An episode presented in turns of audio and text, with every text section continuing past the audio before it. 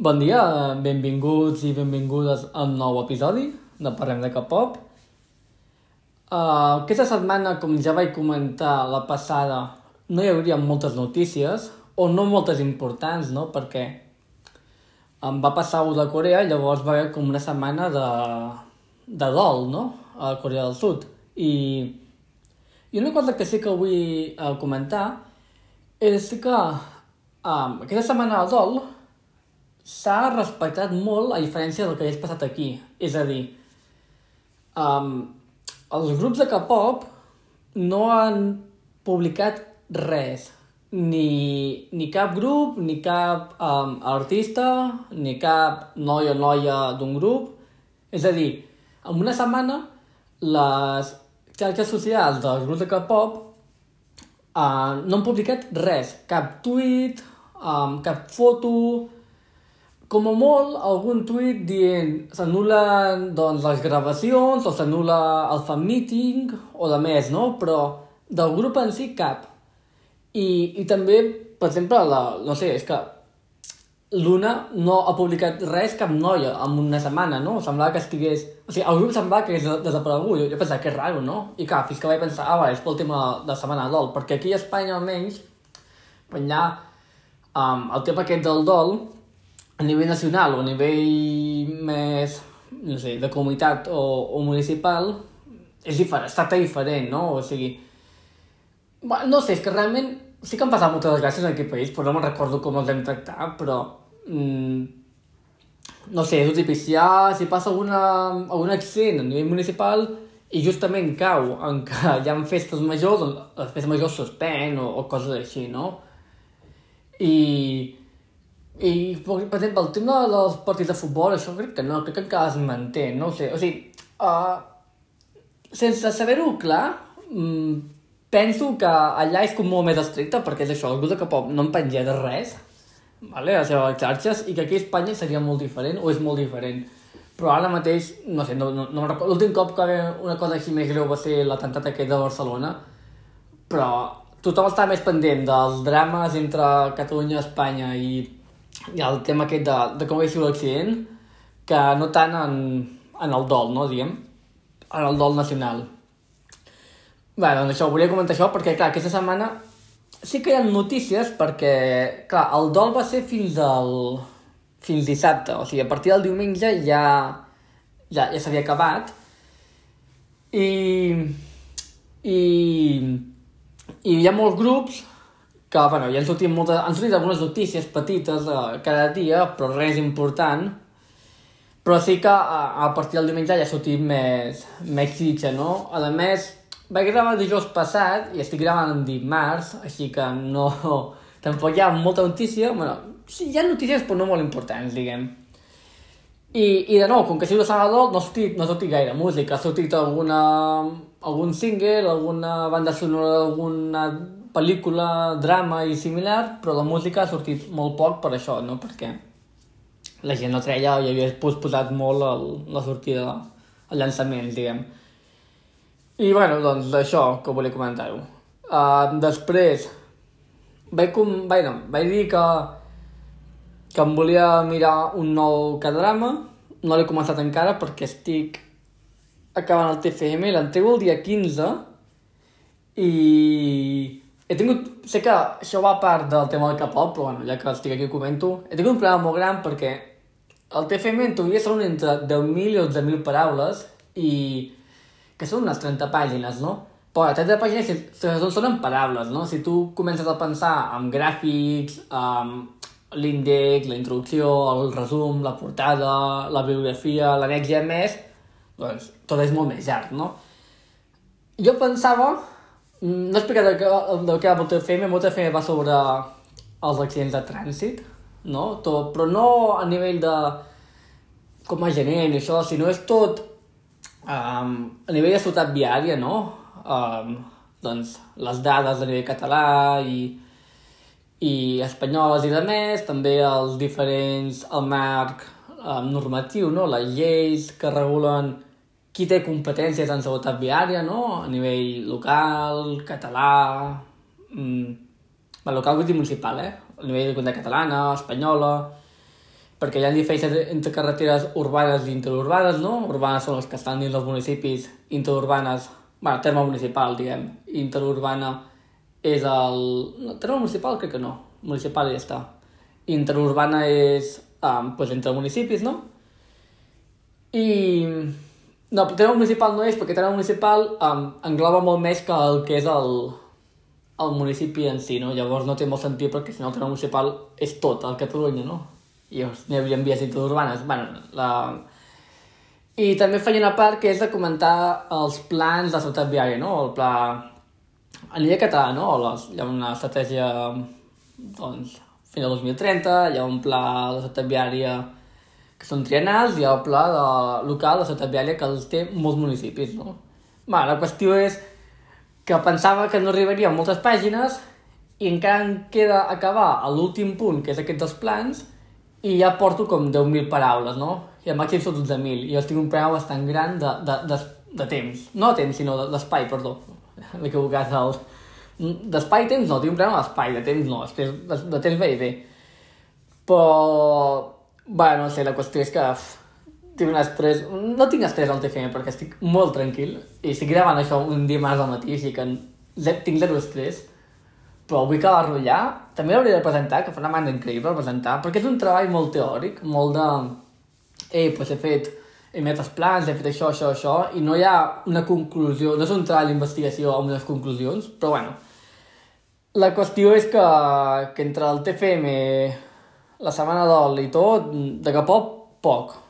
I dic poc perquè he escoltat entre que no sortit música nova, perquè ara estic, ara estic escoltant Stray Kids i Itzy, no? Allò vaig, allò vaig uh, ho he anat dient les anteriors setmanes, i normalment quan escolto un grup de música de K-pop van sortint nous àlbums i mini-àlbums d'altres grups, no? Doncs surt un single de, de Bibi, surt un mini-àlbum de Kepler i de més.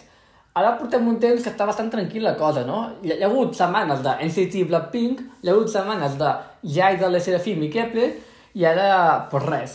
Llavors, uh, Stray Kids, he anat escoltant més mini-àlbums, ara vaig pel, pel cinquè, o el sisè si comptes el del predebut, m'està gran.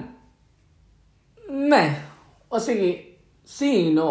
Quan escolto, no tinc moltes ganes d'escoltar un, mini, un mini-àlbum, o sigui, quan dic, vale, passo pel següent mini-àlbum, no vaig super emocionat, l'escolto i dic, què és això? Perquè no és que sigui música rara, sinó que és com música inconexa, és una música rara, o sigui,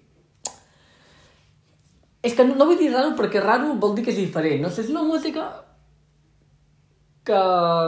No, sense gaire sentit, no sé com dir-ho. No vol dir que no estigui bé, eh? però les cançons, sobretot els title tracks, són diferents.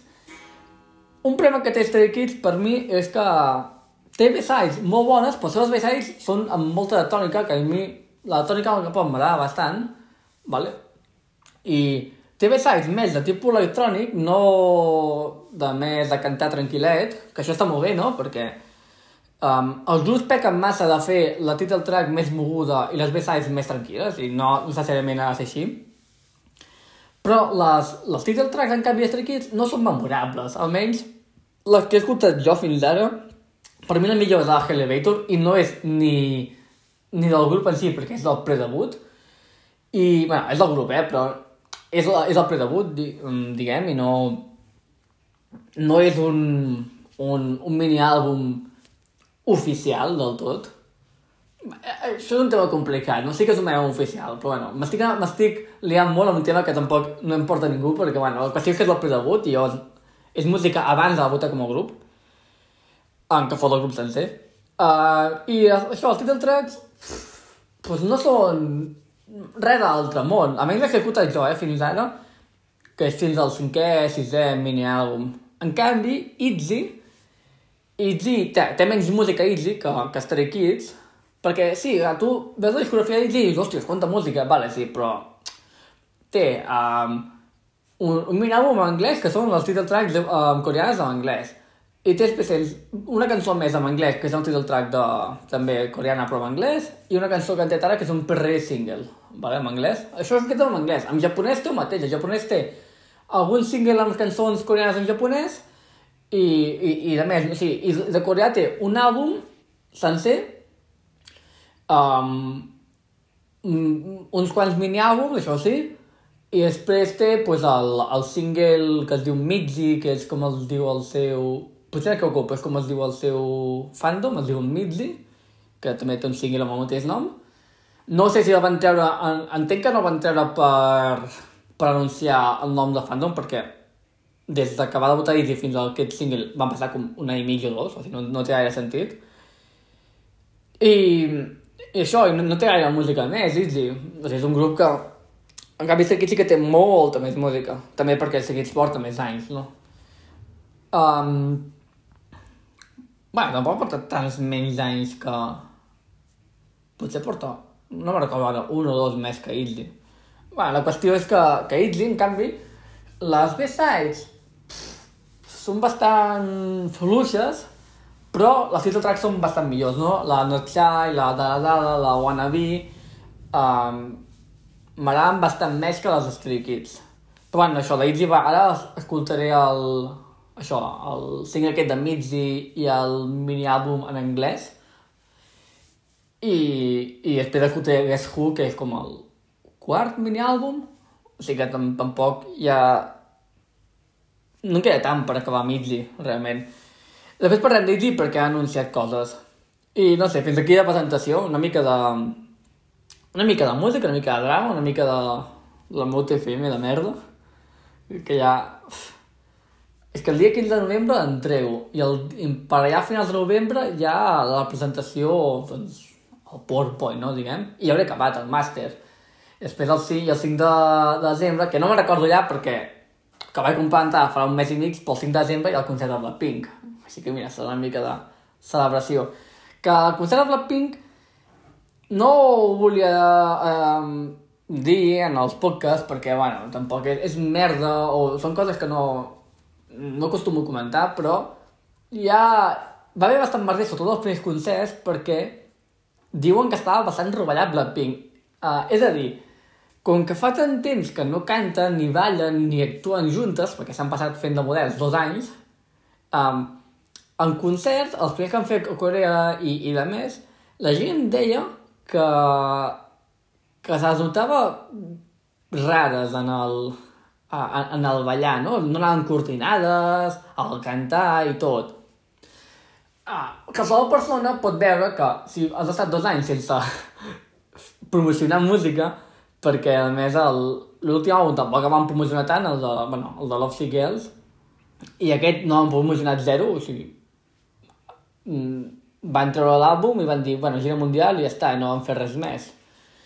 La qüestió és que, que és normal que, que els, hi faci, els hi falti pràctica, no?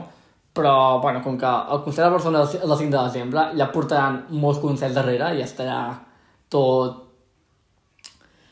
Estaran en plena forma. Um, no sé res de tracklist. He llegit que les cançons són més curtes, però bueno, tant me fa. També que el concert no és gaire llarg, no? Jo m'esperava, crec que dura dues hores. Agradat que hagués durat dues i mitja, tres hores, perquè normalment un concert que pot durar dos i mig, tres hores, però bueno, mentre estigui bé, tant fa. I, no sé, i fins aquí el, la presentació d'aquest programa.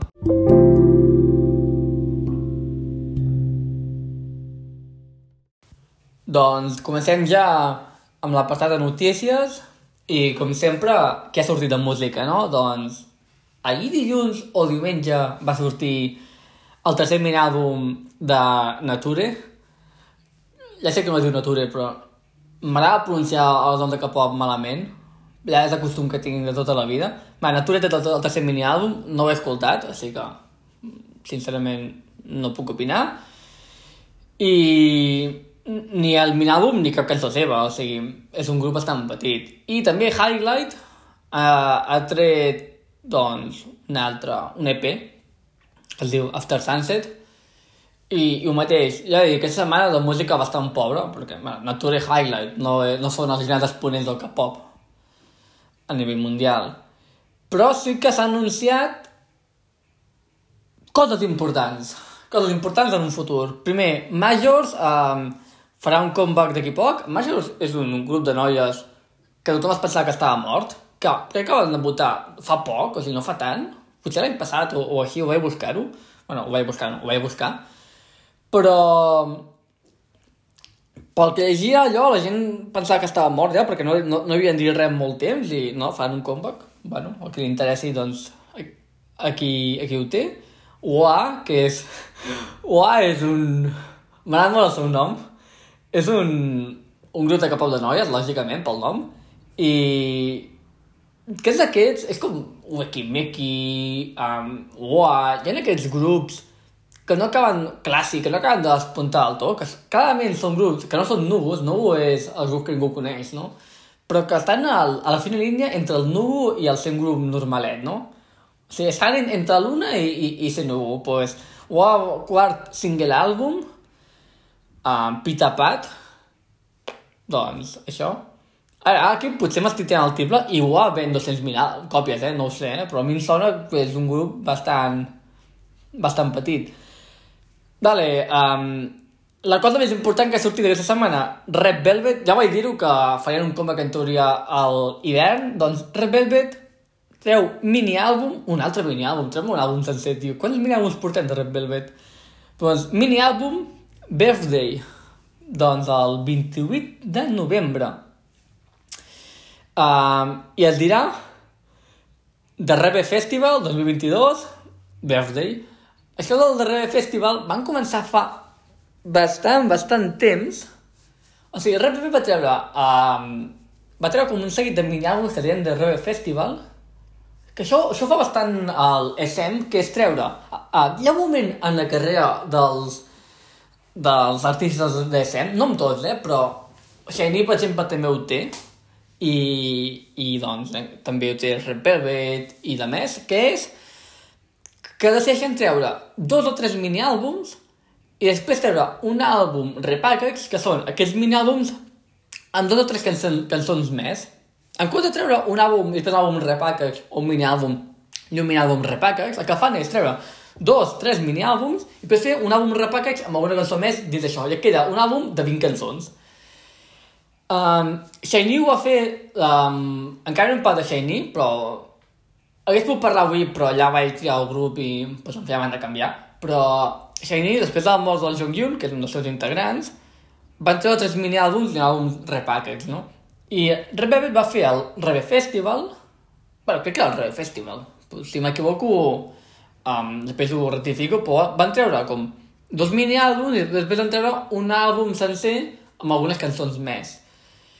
I, i tots pensaven que ja, ja estava mort el Rebe Festival, van treure Queendom, que és els, va ser l'àlbum que realment va fer que vengués més, Red Velvet, i ara van treure el de Film My Rhythm, que no sé si és també el Red Festival, ho hauré de buscar, crec que sí. Llavors, tot això ja ho comentaré millor en el següent apartat, perquè ho tornaré a buscar per no equivocar-me.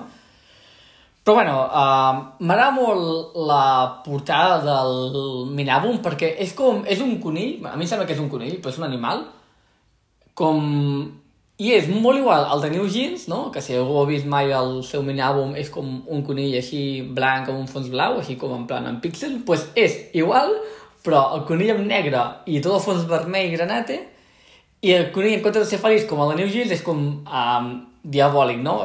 Vaig, veure i pensar, això és com uh, la contrapart de New Jeans. Està fet especialment? Jo crec que sí, no sé. Uh, què més? Itzy, no? Ja vam dir que havia tret un PR single en anglès, doncs ha anunciat... Bueno, no ha anunciat res. O sigui, ha anunciat... Mm, això va ser ahir. O sigui, d'aquí avui o demà sabrem què és. Però un nou compact, no? Que es diu Cheshire. No sé què vol dir en anglès. Cheshire. Mm, em sona que és... M'equivoco segur, però em sona que és com... alguna mena de decoració o tipus del parc o això, però bueno, ja, ara després ho busco també. I, i això, Itzy, doncs mira, serà el primer compa que jo segueixo des de que escolto Itzy. Uh, també, coses molt importants. La Boa ha anunciat el tercer mini-àlbum. La Boa és com de les solistes amb la llum més important de la història i porta 22 anys que va debutar allà, crec. I tercer mini-àlbum doncs La gent diu, tercer mini àlbum, tants pocs té? Um, no, la qüestió és que normalment els solistes, de, com la Iu, la Boa i de més, treuen àlbums sencers, no treuen mini àlbums, no? I a part d'això, també és que al moment que la Boa va debutar, que bo també és molt important a Japó, es treien àlbums sencers. Tant a Japó, a Japó, es treuen, a Japó és molt de treure singles o àlbums, no mini àlbums, i i jo, de bo, ha sigut un artista que ha anat traient molts àlbums i no va començar a treure mini-àlbums fins fa poc. Llavors, aquest és el, el, el, el seu tercer mini-àlbum. No he escoltat el del bo. Algun dia m'escolto, no ho sé. La Yu sí que tampoc l'he escoltat i tinc moltes ganes de fer-ho, però el bo... Bueno, ho acabaré fent, segurament. Um, després, un altre solista de SM, el Chen Dexo, ja hem parlat de que tercer mini-àlbum doncs, sortirà el 14 de novembre, i ja per acabar tenim que doncs, Triple S dimecres farà, publicarà el teaser drop de la nova noia, així que d'aquí uns dies més, sí, dimecres vol dir demà, d'aquí uns dies més sabrem qui és la noia número 9, i el, el, perdó, el videoclip de Triple S, el de Generation, si no l'heu vist, de nou, mireu-lo perquè està molt guai, la cançó i tot, i té com 16 milions de visites, que és una passada.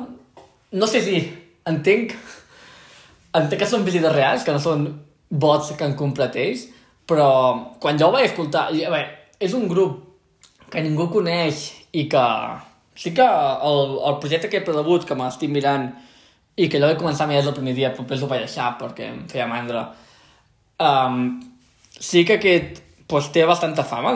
Sembla que no. Quan jo el mirava, el, el mirava amb 200 persones ja tenen vídeos amb 300.000, 500.000 visites, que són moltes, però jo pensava, uah, aquest videoclip escoltaran, bueno, miraran un, dos milions de persones, és, és molta gent. Per exemple, els videoclips de Luna, els del predebut, no tenen moltes visites. Hi ha algun que sí, com el de Xu, perquè és de Xu, o altres que són molt això, però jo que sé, el de Georgine potser té 6, 7 o 4 milions, no sé, té molt poques visites.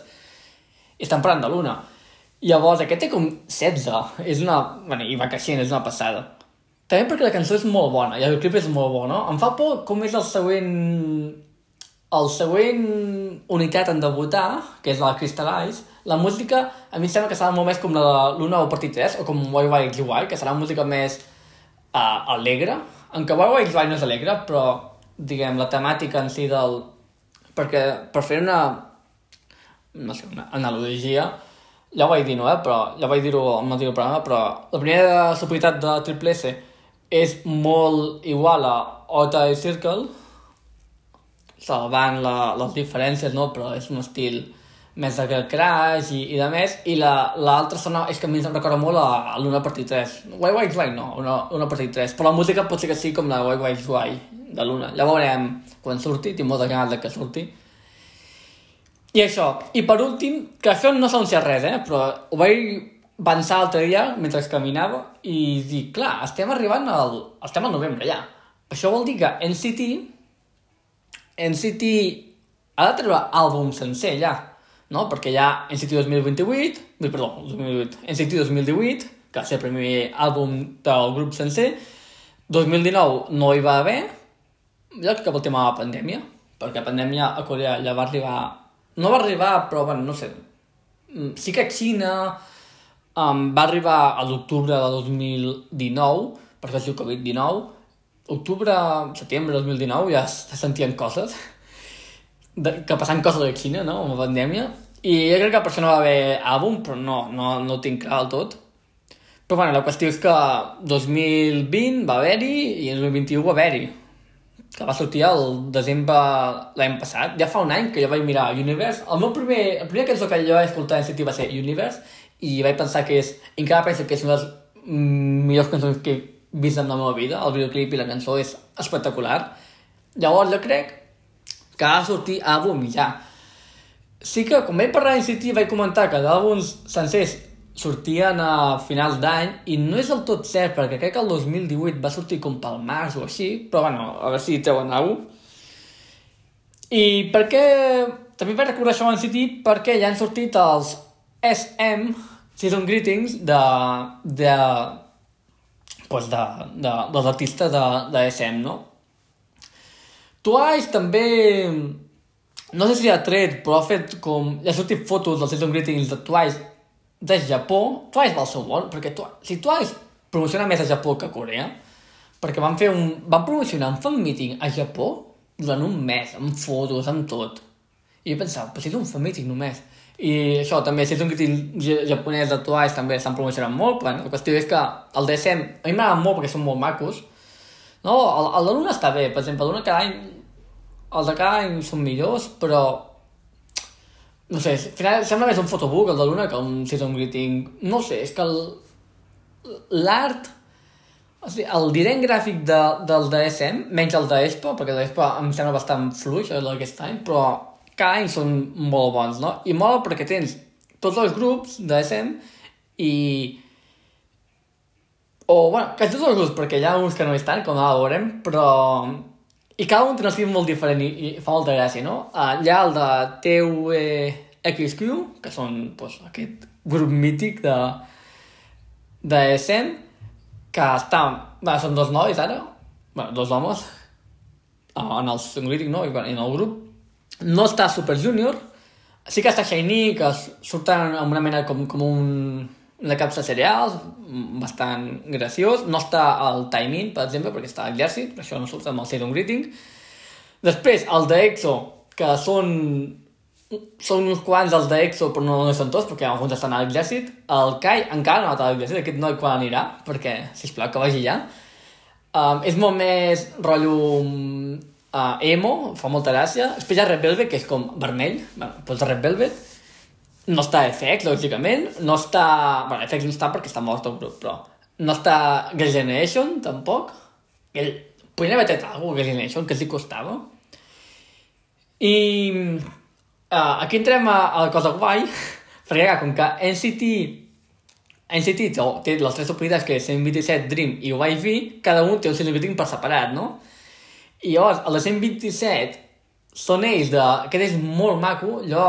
Si algú li agrada NCT o té curiositat que busqui el Season Greeting, com és, perquè em sembla molt, molt maco les fotos, perquè van ells de, de mariners, però mariners rotllo, ja saps, no? El típic clàssic així amb vestit i tot, és molt, molt maco.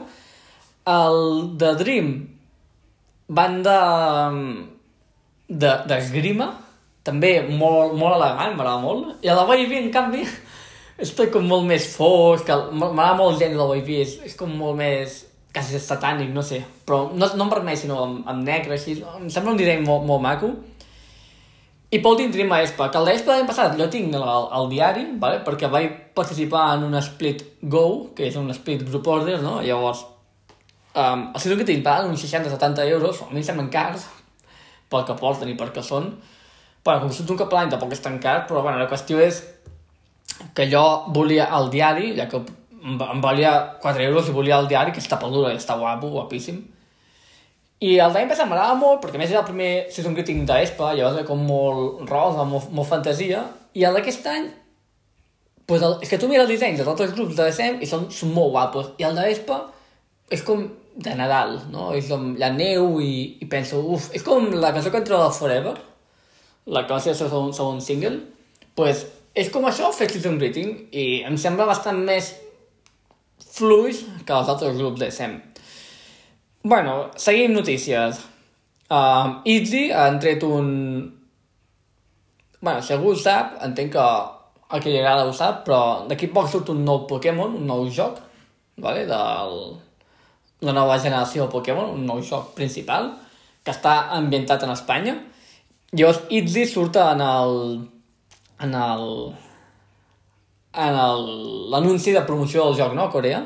I L'anunci està molt, molt guapo. Jo, de, de nou, recomano um, que busqueu doncs això, Itzy Pokémon, um, no sé, uh, anunci i perquè està molt ben gravat l'anunci. No és el típic anunci aquest de cutre que surten jugant al sofà i ja està, sinó que està molt, molt guapo. I també, parlant de jocs i anuncis, Kepler uh, ha sortit un nou joc de, de Sonic, que Sonic és molt menys important que Pokémon, no? Però ha sortit un nou joc de Sonic i l'anunci el fa Kepler i també està molt ben gravat i a més té molta té molta pues molt sentit perquè la cançó de Guadalà de, de Kepler, que és el seu primer um, title track, no?, de l'àlbum debut, um, diu Supersonic, diu, diu Run, Run, Run, like a Supersonic i de més, no? Llavors, i també ho diuen a l'anunci, no? Perquè, clar, és que és, que és, el, és el destí, no? Que haguessin de ser elles. I està, a mi m'agrada molt, també. Següent, um, el, pues, Apex, que és un grup que no conec, van treure un, un àlbum, un mini-àlbum, i ha superat uh, les 100.000 còpies físiques, així que mira, un grup que crec que no havia sentit mai o quasi mai, doncs ha vengut bastant bé, 100.000 són moltes, molt, moltes... És que clar, 100.000 sembla poc, comparat amb el mig milió, un milió i de més, però 100.000, si tu pas a pensar, si ho poses en fila, si poses tot junt els mil·àlbums, són molts mil·àlbums, hi ha molta gent que ha comprat aquest... Uh, el seu disc, no? Després, la, la Sakura de Serafim, que és una noia que m'agrada molt, no? Perquè m'estic mirant Post 48, vaig molt bé, porto encara el mateix episodi una setmana perquè m'està fent molta mandra. Doncs la Sakura um, començarà un nou variety show per internet i el seu, en teoria, és, és un variety show que va sobre que Sakura no tingui por de les coses, una cosa així, no? Entenc que es, es posarà en situacions que ella no, no, no ha por, com, jo què sé, saltant per caigudes, però sí d'allò que li fan temor, no? O que no se sent com molt còmode, llavors intentar superar no? aquestes situacions ja es veurà que va, llavors el seu primer invitat serà el Bam Bam de God Seven. Això està molt bé que artistes de diferents companyies i més grups importants com God Seven pues, um, faci coses amb l'Esser Serafim i de més. Um, després, um, ja vaig comentar que van sortir les nominacions pel MAMA, que també han sortit les del MMA, que és una altra... La MMA no és una droga. bueno, la qüestió és que també són altres um, premis, doncs els MAMA Uh, hi ha una part que és la votació dels fans i es veu que, que hi ha hagut grups que han fet trampa dels seus fans, no? Que tenien vots i més. Ara potser m'equivoco, però em sona que era WJSN. Potser m'equivoco, eh? sento molt ser vos fan i m'estic equivocant, però em sona que era aquell grup el que havia fet um, trampes perquè el seu grup estava com en la posició 6 o 7 i era molt raro perquè el fandom no és tan gran per tenir tants vots. I perquè també han sortit um, captures de Discord de gent comprant pots i de més, eh, per, per votar. Així que no és una cosa això. Llavors el net ha fet un ha tret un, pues, un comunicat dient que, que s'havien de compte que passaven coses rares i que, bueno, que faran coses per evitar-ho. Uh, va, que ja acabem.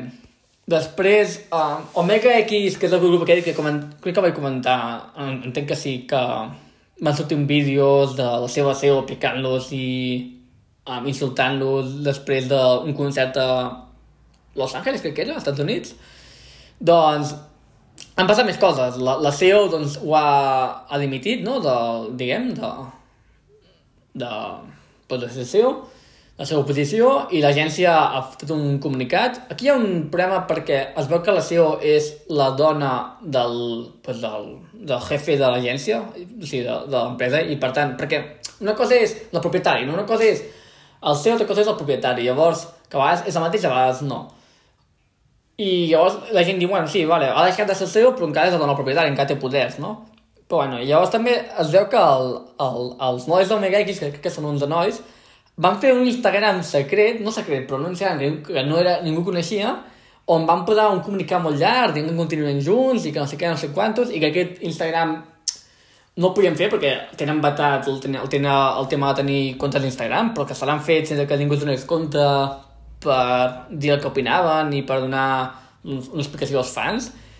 I llavors, no sé si la, la mare d'aquests nois o la més ho va comentar i tothom s'ha enterat que tenia aquest Instagram, no? Llavors és una mica... una mica um, fallo, no?, per part d'ells. Però bueno, no sé, a veure què tal, com aquest tema. No, sincerament, m'importa molt poc el grup, però no la seva situació, és a dir, mm, si tot està, si tot s'arregla millor, però a mi el grup, pues, no, no, no, no em diu res, Omega X. I ja anem acabant ja. Um, per notícies tontes tenim que l'anterior ministre d'Afers Exteriors, no? De, o d'Afers Exteriors o de Relacions Exteriors, no sé com és la traducció correcta, però bueno, l'anterior ministre coreà d'això, de, de temes de relacions exteriors, que és amb altres països, uh, va intentar vendre el barret del Jungkook. I tu diràs, què? Mm, no sé la notícia completa, però entenc que, doncs, que el Jungkook es devia deixar un barret o li devia donar un, el seu barret a aquest home, que a més, és ministre i tot, ell va ser diners, doncs, uh, la policia, la policia eh, ha confirmat que aquest home va intentar vendre el, el barret de Jungkook, no? Entenc que per subhasta o això, un preu molt elevat. És molt fàcil saber perquè mm, si algú, si, si algú es dona compte que està intentant vendre un barret de Jungkook, primer, que és el Jungkook, és, és, és molt famós, és el BTS, és molt famós i tot, és molt fàcil saber aquest barret mm, d'on ha sortit, no? O sigui, però, bueno, la qüestió és això. Notícia tonta, però bueno, m'ha fet gràcia que ho comento. Uh, notícia trista, un dels concursants de la temporada 2 de Pros One and One, el Li Jihan, doncs, va morir a, a Taiwan, no? En la gràcia de la setmana passada, doncs, una de les persones que va morir de 150 o 120 euros, no sé quantes eren, però per allà, doncs va ser un concursant de Pros One One temporada 2. No era una persona que la gent coneixés gaire perquè crec que va, va ser l'últim, crec que va quedar l'últim, perquè són sent uns nois, però hi va haver dos que van es van retirar en el programa. Això sempre passa amb aquests programes, que comencen sent un o 90 i alguna i hi ha dos o tres que, doncs, per la pressió o per, no sé, per aquells motius decideixen retirar-se. I crec que un per tema malaltia també. Llavors, ell va ser l'últim, el que va quedar últim, va quedar en posició 98. Però bueno, la qüestió és que, mira, doncs, estava allà i, i, i va morir. I, i ja, bueno, per acabar les notícies, anem una mica, una mica més alegre a les notícies.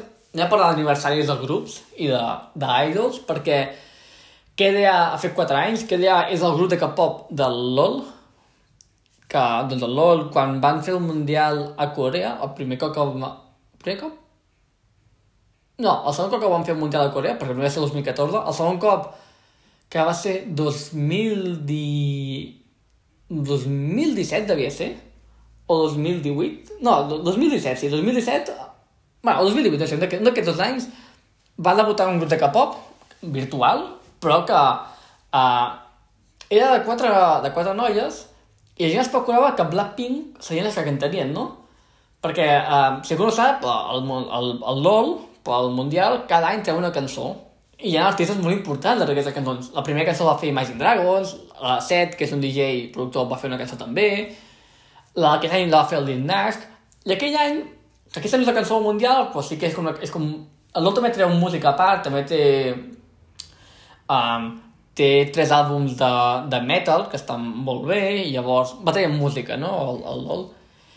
Doncs la gent especulava que seria Blackpink el grup que, doncs que, que cantaria, no? I no va ser Blackpink, va ser G-Idol. No totes, sinó la... Bueno, l'altra no sé qui era, però crec que era la millor, no ho sé. O la Mini, no, no me'n recordo. La Mini és de G-Idol? No me'n recordo la mateixa. La qüestió és que, bueno, sí que sí segur que estava la Soyeon, no? De G-Idol, amb aquest grup de KDA. I era la Soyeon, una altra de G-Idol i dues noies més um, americanes o, o angleses, no sé, però que cantaven en anglès. Llavors aquest grup va treure música fa molts anys, després farà poc van treure un altre mini-àlbum, o sigui que tenen dos mini-àlbums, que també tornava la, la Sollon i de més, i ara han fet 4 anys, que doncs, està bé. També, eh, com a curiositat, hi ha un altre grup de, de música de, de LOL que es diu True Damage, on ja estava la... Eh, pues hi havia, hi havia dos, dos trapers, hi havia crec que era la... No la Tina Tasha, sinó l'altra. La que canta sin pijama, doncs... La, la, la Tina Tasha no, l'altra noia, no sé com es diu ara. Doncs estava ella també, i estava també a Sollon, no? Doncs mira. Uh, informació que us dono. Um, llavors, la Sollon de Gerald també ha fet 5 anys perquè ella va debutar en solitari amb dos o tres singles abans de debutar com a Gerald. Un dels singles d'ella es diu, es diu Gerald, doncs 5 anys ha fet, i Super Junior ha fet 17 anys. Super Junior... Doncs és un grup molt important de SM i porta... SM és una de les companyies que té um, artistes amb més longevitat en la música i que encara continuen, no? I doncs fins aquí les notícies. ara passem a parlar sobre el grup de setmana, que serà Only One Off. I també buscaré el tema aquest de Red d'això, que, i que volia um, dir-ho bé, i ara us ho comentaré.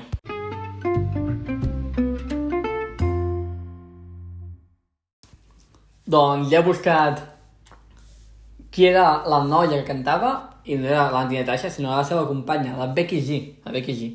I també Udar Pepe, doncs sí, el que jo deia, van treure de Rebe Festival, uh, crec que era doncs, dos mini-àlbums, i van treure el Rebe Festival final, l'àlbum Repackers, i tot molt bé. I van treure Clinton, després van treure uh, The Rebe Festival 2022 a uh, Female Rhythm, i altre any, The Rebe Festival 2022 Birthday. Llavors, el festival de Rebe continua per sempre. Vale, va, uh, el lío. Anem a parlar de Only One Off. Grup petit, vale? això és un, un grup bastant petit. Té fama, però és petit. Only One Off. Mm, la seva agència és, doncs, 8D Entertainment, una agència, doncs, d'aquestes petites, petites, que de grups té, pues, més té uh, Only One Off, no? Té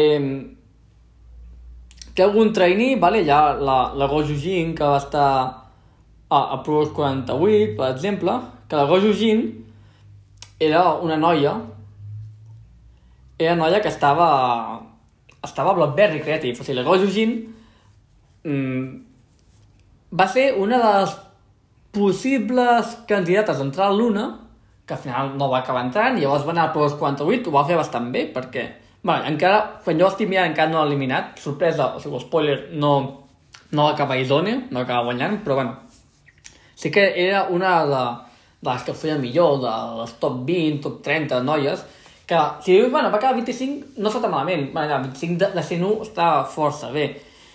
I llavors, encara és trainee dins d'aquesta empresa, la, la Gojujin, i, bueno, i tenen un grup només, no? Tenen tres solistes, però tenen un, tenen un grup que és el, el i un altre grup, en teoria, que volen debutar, però encara no han debutat, que és un grup de noies, no? Entenc que aquí està la Goyo Gili, a més. Um, normalment no acostumo a comentar aquest tipus d'empreses, perquè, clar, quan parlo d'un grup sempre parlo de SM, de Jeep, de, de YG i de, de Hibe, i llavors no podré comentar l'empresa, no? Però que quasi, perquè sé que és una empresa que és... Bueno, la van crear quasi per Only One Off, i bueno, hi havia Eugene, i m'estava bé comentar-ho. Only One Off van debutar el 28 de maig de 2019, és un grup que té 3 anys i mig. Um, són 7... Bueno, eren 7 nois, van debutar 7 nois, però hi ha un que va marxar. Després comentarem el per què va marxar. I es diu Only One Off perquè, um, doncs, el típic, no? Um, que tots els nois junts um, formen un sol equip, no? I també, bueno, doncs, aquí té, té la, la, la doble, doble significat, no?, que diu això, no?, que tots els nois junts um, formen un sol equip, però també que no volen que se'ls representi com una sola entitat, no? com, un, un, com, com el grup i ja està, sinó que també el, doncs, els fans i la gent, el públic um, tinguin curiositat per, per saber les característiques de cada noi, no? El seu estil musical i, i les seves virtuts. Llavors, jugant amb, jugant amb, el, amb la individualitat i amb el tema grupal. El seu fandom els diuen Lion. Um, m'agrada bastant... O sigui, el nom de Only One Off m'agrada molt, em sembla un nom molt elegant. Lion no m'agrada gaire el nom de fan club, em sembla no, o sigui, no té molta relació Off amb Lion, però sí que té relació, vale, o sigui, sí que té relació perquè Only One Off, um, Only, si ho gires, és Lion, no? O sigui, el que fa si ho girar les síl·labes de Only i fan el, el, el Lion, no? És el, canvies el l'on i el li queda Lion. I diuen que és perquè um, perquè els fans, els Lions, protegeixen i donen suport a Ivanov com ho fan els lleons amb les seves famílies i que els Lions són la família del Ivanov. M'agrada el significat, m'agrada molt, m'agrada que giguin les lletres, no m'agrada gaire el nom, igualment, però bé, està bé, m'agrada. O sigui, és un grup... Um, no hi ha molt a comentar d'aquest grup, però coses que vull comentar, això sí. Un, juga molt amb les majúscules i les minúscules, no? I amb posar amb hashtags i de més. Això està molt bé perquè normalment els grups són molt estàndards en aquest sentit. I, i aquí, pues, jo sé, Oliver Now, per exemple, cada O està a, a majúscula i la resta del, del, del nom del grup està en minúscula i amb l'Ion passa el mateix i amb els noms del Minàlums igual. Uh, qui són els seus integrants? El... D'aquests no me'ls conec cap, o sigui, a mi me'ls poses tots junts, no sé quin grup és. Hi ha un que sí perquè té el cabell llarg, el Jungi, o el portava llarg, però bueno, és un, és, ja són aquells grups que no... Me'ls trobo pel carrer i crec que són turistes i ja està. Això no és una racistada, però, o sigui, no, no puc saber tots els noms i nois del món de K-pop, perquè em torno boig llavors. Um, doncs és el KB, el Rie, el Jojung, el Jungi, el Mil, el, el, el Nine i un exintegrant que és el Love, que era el líder. El Love era el líder i pues, va marxar al grup. Per què va marxar al grup?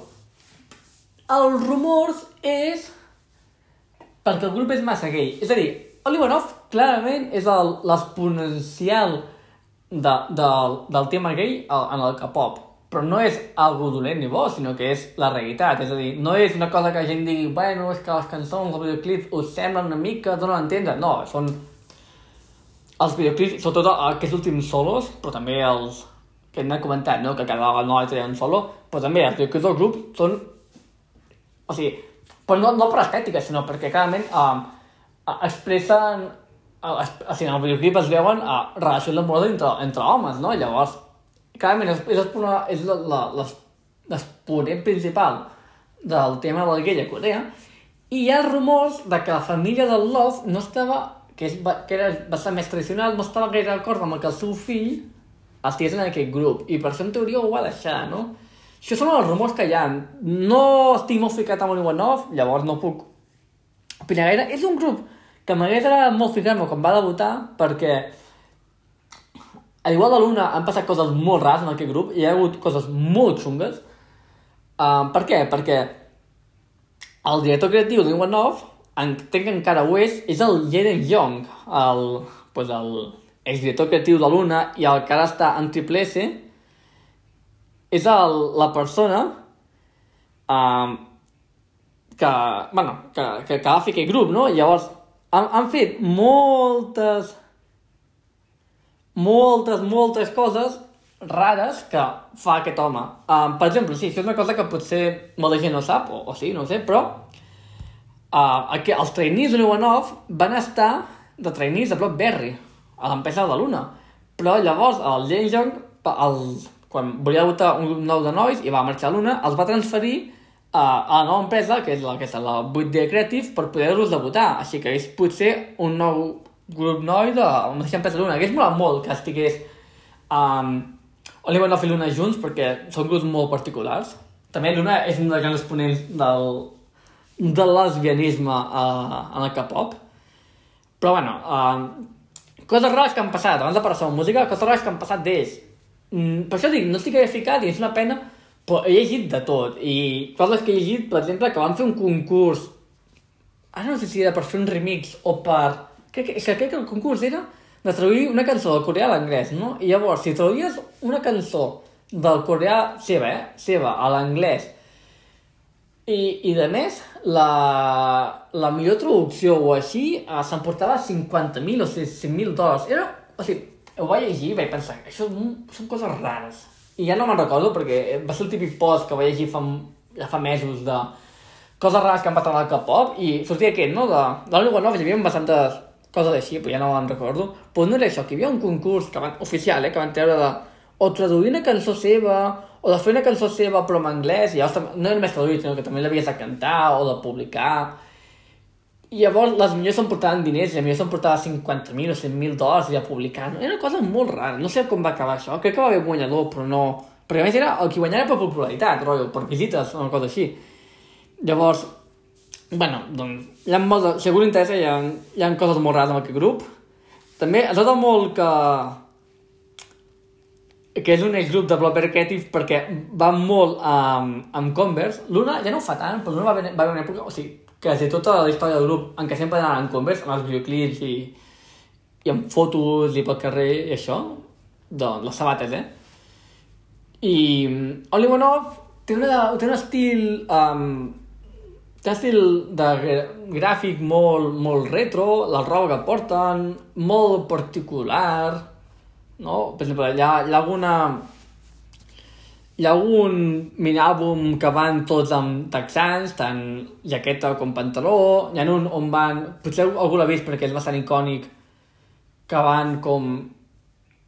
Com si fossin les Bs aquestes que van al, a l'església, que van així com amb, amb el cap tapat, amb amb una mena de barret que... Una barret, una mena de caputxa de teixit que se't veuen els ulls de color vermell, o sigui, tenen, tenen coses així molt guais, um, Only One Off. I, bueno, anem a parlar una mica sobre música, però molt poc, perquè no hi ha molt a comentar. Ma, una música...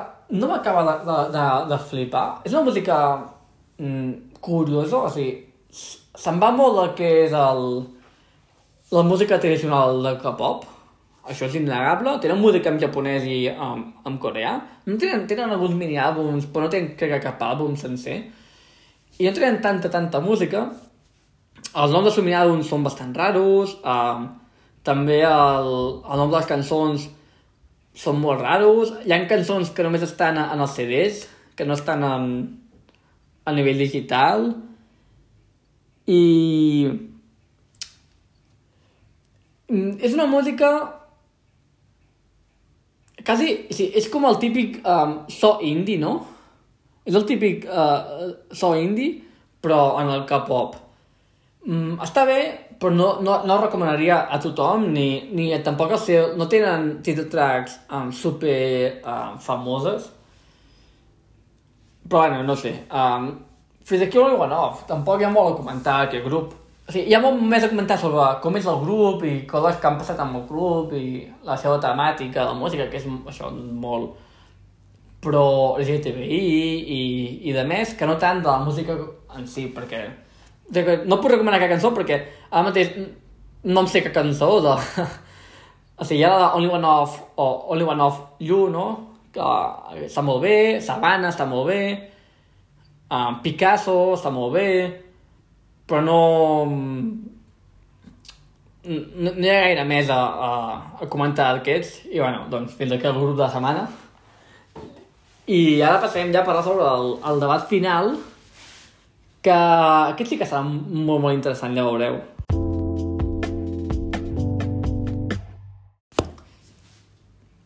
He buscat la cançó de Only One of You per rememorar com sonava i és increïble. És una cançó que jo crec que té que la podria cantar, per exemple, per l'estil que té la, doncs, la cançó i, i que podria ser bastant més famosa del que és, no? Allò, si algú té interès, doncs que l'escolti i mira el videoclip. Si té, no sé si té videoclip, però, bueno, que l'escolti perquè està bastant bé. Vale, anem a parlar sobre el debat de la setmana, que és un debat que hauria fet fa molt temps, però, doncs, no sé per què no l'he fet abans, però és la vida com a trainee, no? Um, vale, en el K-pop hi ha una cosa que que la resta de música jo crec que no passa. Crec que amb el... És que ni amb, amb el J-pop. El J-pop... J-pop normalment és... És comú que els idols debutin directament amb els grups, no? I després, quan ja estan amb el grup, eh, vagin millorant i entrenant, bueno, entrenant, no? Les seves capacitats musicals i artístiques. I en la música occidental també, doncs, s'agraden els seus col·legues i fem un grup de música, no? I acaba sent, doncs, Imagine Dragons, no? O, o els idols, jo què sé, els idols, perdó, els cantants solistes, doncs van cantant i cantant fins que acaben triomfant o no. Però en el K-pop hi ha una cosa que és els trainees. Els trainees no, és molt simple, és l'etapa vale, de, d'un idol abans de debutar. Abans de debutar són trainees. Quina particularitat té el K-pop amb aquest tema del trainees? Que hi ha molts trainees a Corea. Hi ha, sí, perquè no és, bueno, és que són 20 xavals i acaben amb grup. No, hi ha molts a, a, joves a, a Corea que entrenen diàriament en cant, en ball i amb música i de més per algun dia arribar a debutar i, i de tot el que han fet, no? Llavors, um, temes importants. Hi ha trainees independents hi ha trainees doncs, d'empreses, doncs, no? Hi ha trainees que, que són independents i que van a, doncs, per ells mateixos van entrenant, ja sigui a casa o ja sigui... Normalment tots, o tots, van a classes de cant i, i de ball i... O sigui, ja m'entens, no? Pues, a, a, a, a llocs on t'ensenyen a, a cantar i ballar. I, i que després uh, doncs van a audicions, el, el, el, les empreses fan audicions. Vale? Fan audicions, jo què sé, uh, YG va fer audicions, per exemple, va fer audicions fora de, de Corea i d'allà va sortir la Lisa. Les empreses fan audicions i llavors hi ha vegades que fan audicions per agafar més trainees i hi ha vegades que fan audicions per grups, no? Uh, volen debutar un grup nou i fan audicions i, i doncs és comú que, que aquests trainees independents o de petit, empreses petites doncs vagin a aquestes audicions i acabin debutant, no? I hi ha altres casos de d'empreses doncs, que tenen trainees des de molt joves en, doncs, formant, formant, ella mateixa formen aquests trainees i en algun moment, o no, acaben debutant en grups seus. I també podem tenir el cas mix, que és com per exemple això, no? Um, YG fa una audició per buscar noies o nois i un noi independent o d'una altra noia, doncs, d'una altra, altra empresa, acaba entrant en aquest uh, a YG, no?, per,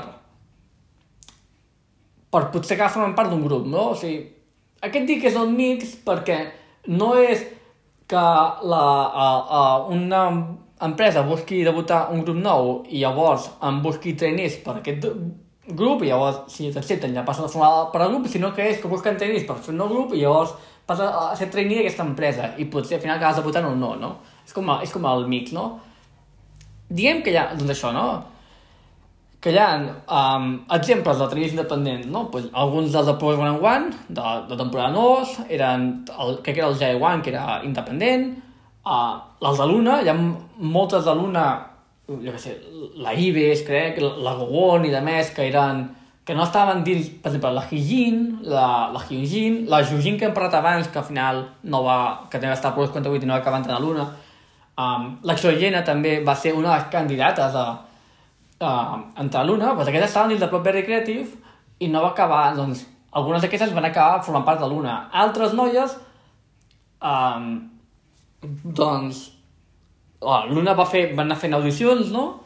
I altres noies, doncs, van entrar, doncs, elles, elles mateixes doncs, van, anar a l'audició i els van acceptar, no? Doncs la Ives, la Gowon, la Xu diuen que la van sequestrar, m'ho crec, i de més, tot el temps de tenir independent. Um, trainees de la mateixa empresa? Doncs, si algú mai ha vist un d'aquests programes uh, clàssics de, de K-pop, o sigui, aquí potser m'estic... Bueno, després ho, ho, ho diré millor, però en la qüestió, jo que sé, per exemple, el Bang Chan dels Stray Kids va estar molts anys, des que era molt petita, a YG, bueno, per la YG, a Jeep, vale? per fins a debutar amb Stray Kids.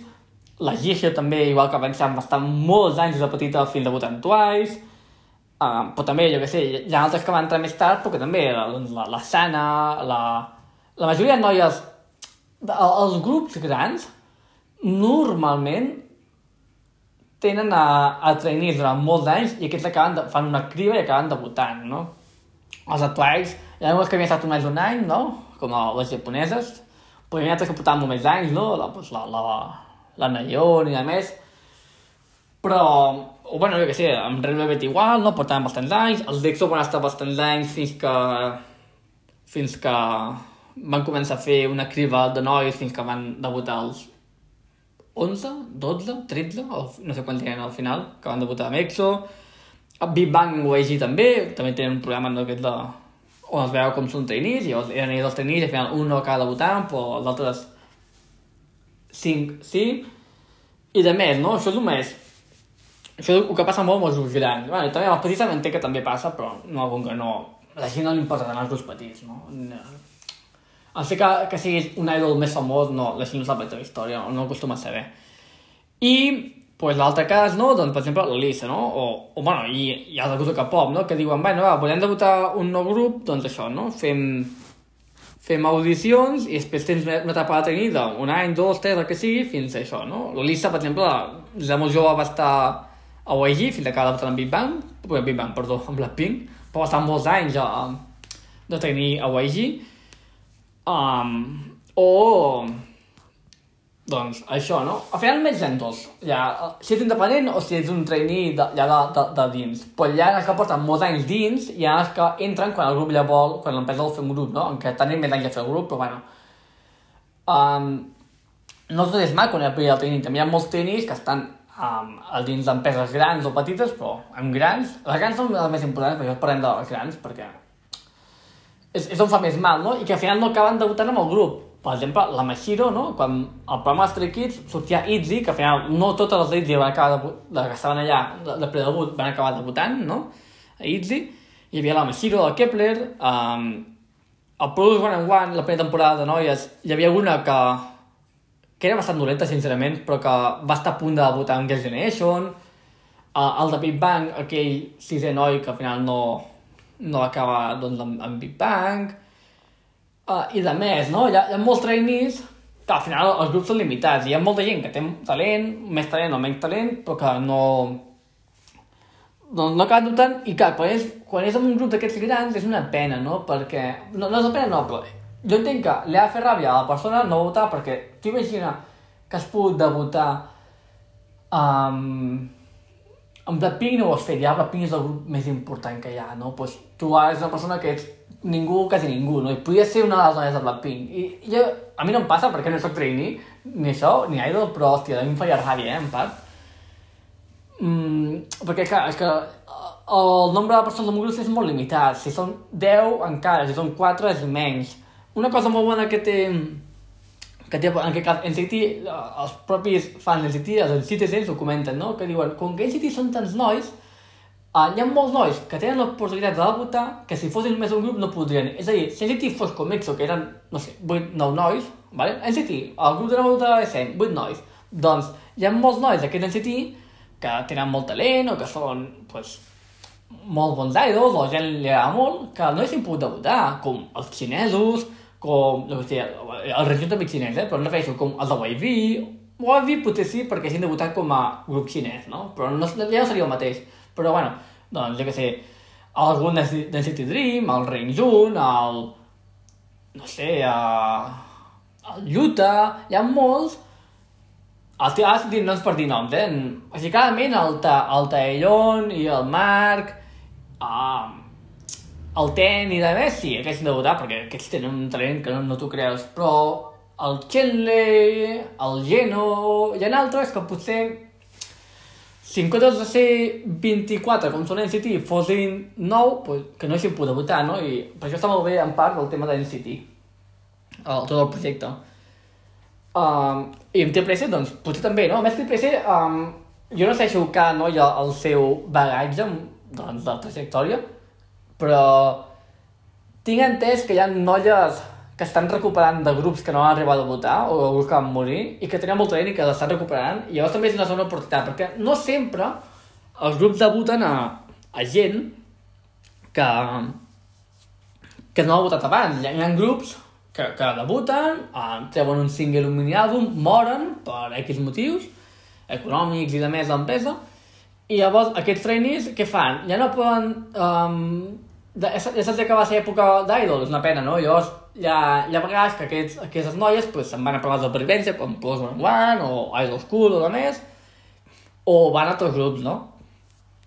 Omega X, Omega X, per exemple, és un grup de segones oportunitats. Pel que tinc entès, els 11 nois ja havien debutat abans com a, com a idols. Uh, això és el que tinc entès, potser m'equivoco, eh? però és el que he llegit bastant, no? que era un grup de segones oportunitats, no? que és un, que per això és una pena el que està passant, perquè a més són gent que ha sofrit molt en aquest món del K-pop.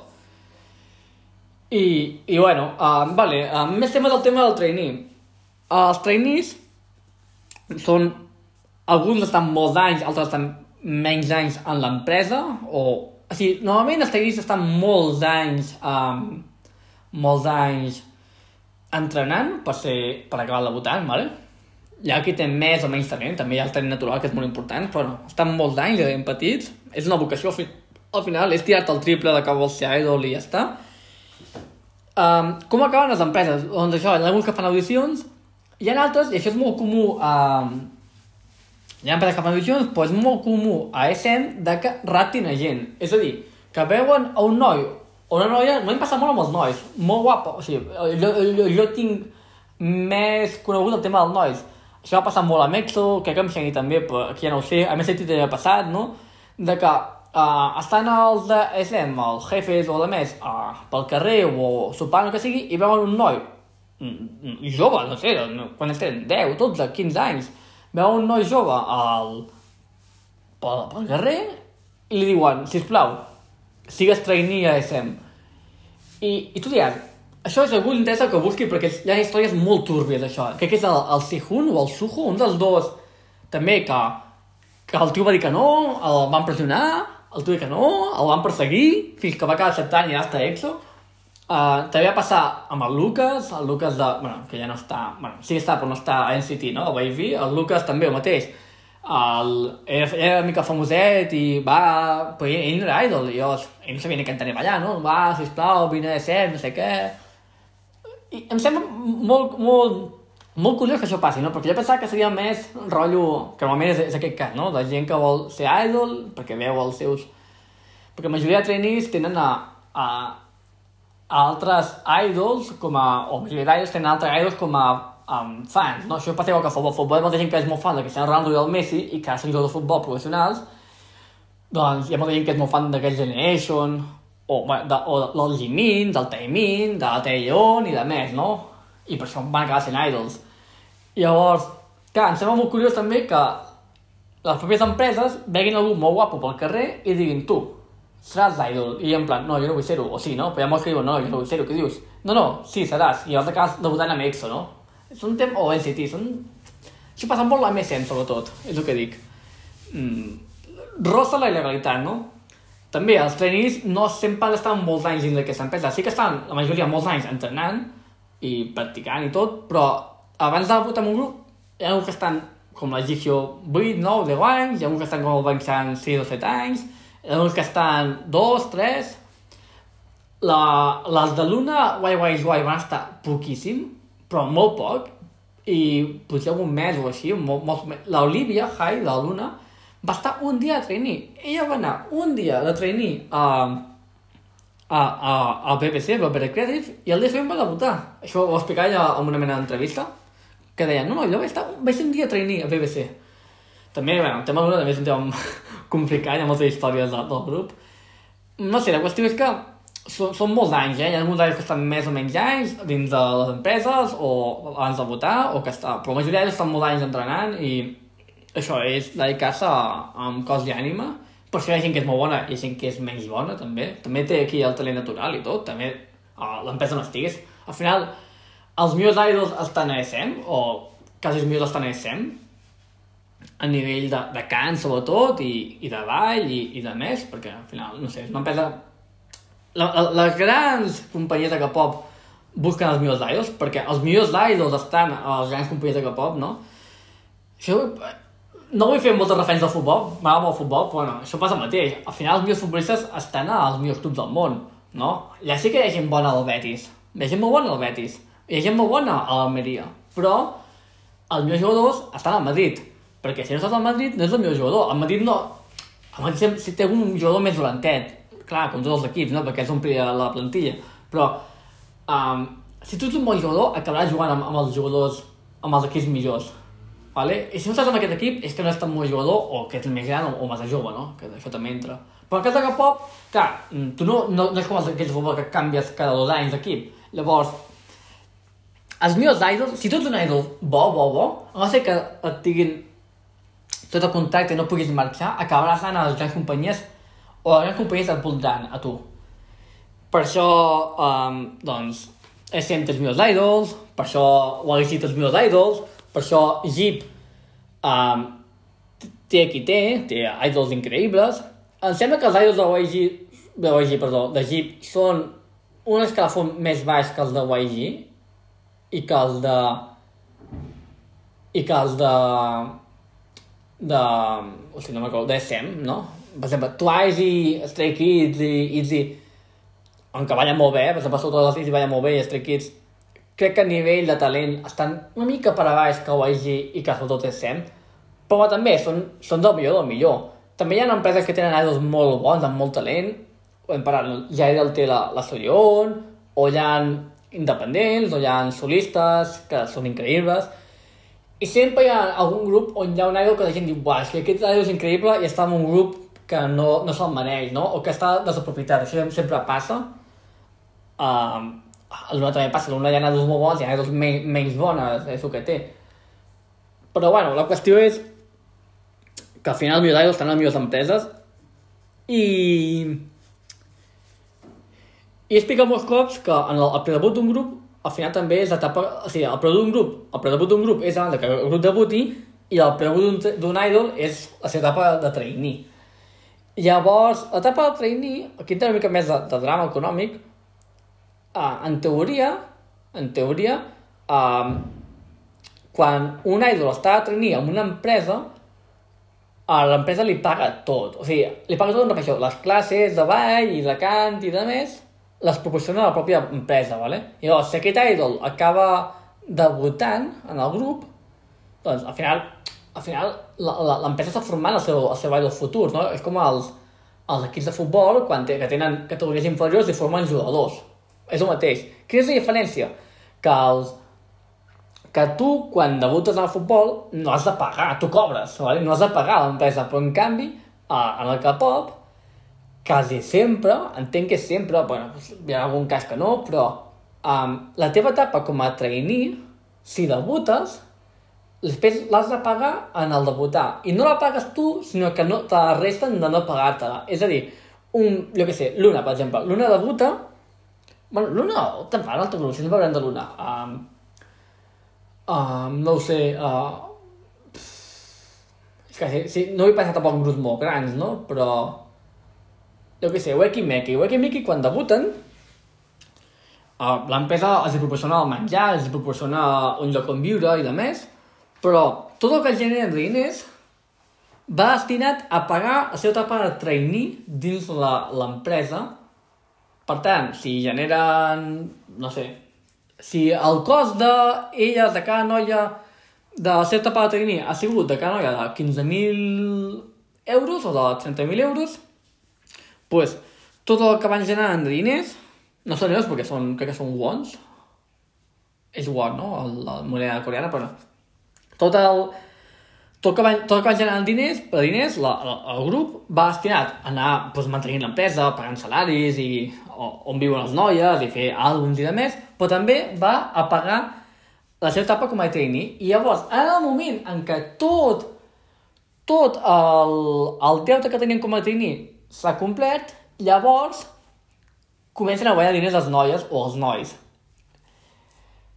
Um, coses importants. Si tu no arribes a debutar en el grup, aquest deute se t'elimina.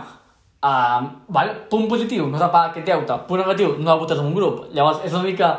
Clar, jo pensava, no, bueno, va, bueno, realment tu pots estar en una empresa, si no arribes a votar amb el grup que et treuen noia i tu te'n vas de la companyia, o et diuen, ei, doncs no votaràs mai, i te'n vas, perquè és gran, o per, perquè no volen debutar en un grup de noies nou fins aquí 5 anys, i pues, diuen, vés-te'n, uh, tu no has de pagar això, vale? almenys no tens aquest, aquest deute per vida d'haver de pagar per una cosa en què t'han format, perquè al final tu t'has acabat formant. També et diré, són molts anys que tu has dedicat, o, molt temps que tu has dedicat a, a aquesta empresa formant-te, però al final no va votar, és una pena, perquè llavors has d'anar a altra empresa és més complicat, perquè també tenen um, trainees que també estan formant i llavors mm, ja dedicat molt temps també aquests trainees i molts diners. Bueno, la qüestió és que, que en part tu no has de pagar, però clar, mm, no acabes formant part d'aquest grup. Llavors, en canvi, si formes part del grup, vale, debutes en un grup, és el teu somni de la vida, debutar en un grup, i, i tot, i vas tenir música i el que sigui, amb més o menys fama, i, i dures més o menys anys, perquè els grups petits em moren ràpid, però... Bueno, els grups petits no, no és que morin ràpid, sinó que treuen música i potser estan mai sense dir res i diuen, bueno, el grup s'ha mort. Llavors, estan anys sense fer res i, i moren però no tan ràpid. Els desangren, no? Però la qüestió és que, vale, sí, um, debutar és increïble, però també tens un deute que flipes. i al final passa aquest deute, i no tots els grups paguen aquest deute, no? Surten molts idols, surten molts idols que diuen que han marxat del grup, vale? que el grup ha mort, i que encara, o que, o, no, no sé si era que encara havien de pagar el deute, o continuar pagant el deute, o si no havien arribat a guanyar mai res.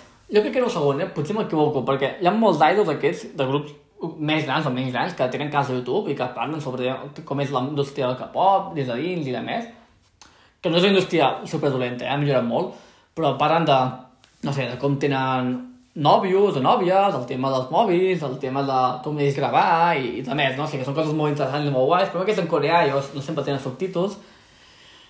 Però hi havia alguna també de, de grups, crec que era um, Orange Caramel, el grup, que era un grup important, eh? Molts anys, però un grup important, i que una d'elles explicava, o bueno, dos d'elles explicaven de que ara pot anar pel carrer i que ningú el reconeix i més, perquè era un grup que portaven amb això que ens han fet molts, fet molts el portaven com un cas de bici, era, potser sona per això perquè portaven cas de bici, que és com molt raro, la seva estètica.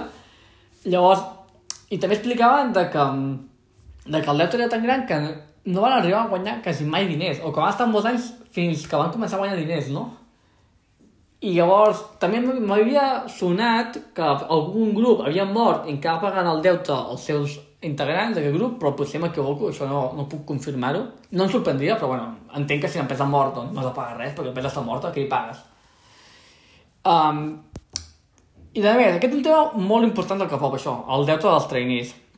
Que això molta gent, quan els expliques, es sorprèn, no? Si no segueixen el món del K-pop. I últim tema que vull parlar és que um, normalment els trainees, els d'ara, no tots, eh? Però la majoria de trainees són de famílies riques, amb diners. Um, és a dir, hi ha, hi ha trainees... Antigament no passava tant, o que jo sàpiga no passava tant, perquè més, pff, uh, abans els de Vivan, per exemple, Vale, heu de tallar un moment perquè m'han trucat. Uh, els de Big Bang, per exemple, es veu al seu documental que, que vivien pf, quasi amb lliteres entre, entre bucaratges i més, sigui, bastant, bueno, bastant pobres, la seva vida com a trainee i també uh, hi ha molts trainees que van passar malament, els de BTS, per exemple, també, bueno, els més grans al final són els que més, la gent més coneix, no? però també doncs, van començar des de, quasi des de la nada i que i amb pocs diners i vivint doncs, tots junts i, i tot i que que no tots tenen molts diners o, o menys quan són trainees, no? Um, també, això un dia que també podem parlar, hi ha un dia que parlem sobre les relacions entre els idols dins del mateix grup i entre, uh, entre diferents grups, perquè uh, normalment quan un grup debuta viuen junts, els idols, i aquí ja generen conflictes o no. Això un dia parlarem. La qüestió és que abans doncs no ho sé tant, perquè entenc que no, perquè la indústria era molt més jove, però, però ara que ha crescut tant el món de K-pop, hi ha moltes més empreses, hi ha molt... Hi ha molt... Doncs el, és molt més competitiu tot, hi ha molt més talent, vale? no talent no, hi ha molt més... Hi ha molta... Talent no, perquè al final talent és una cosa que este no es té. Hi ha molt, molta més quantitat de trainees per tant, hi ha molta més gent bona. Vale? Llavors, el, el que passa és que el món del tenis car. O sigui, això és una cosa que potser la gent no es dona compte, però si tu has de pagar classes de cant i classes de ball i de més, i, i de música i de tot, uh, has de tenir diners, no? Llavors, um, quasi la majoria d'idols venen de famílies amb diners riques i o de poder. Um, per què de poder? Perquè hi ha molts idols que... No, hi ha molts, no, però hi ha alguns idols que... que em sembla que era el Chenli, però potser m'equivoco, eh? Aquí ja estic tirant un triple, però potser el Chenli, que la seva família tenia, o el Geno, que la seva família tenia molt poder dins de Corea. Però hi ha idols que, que, que la seva família té molt poder.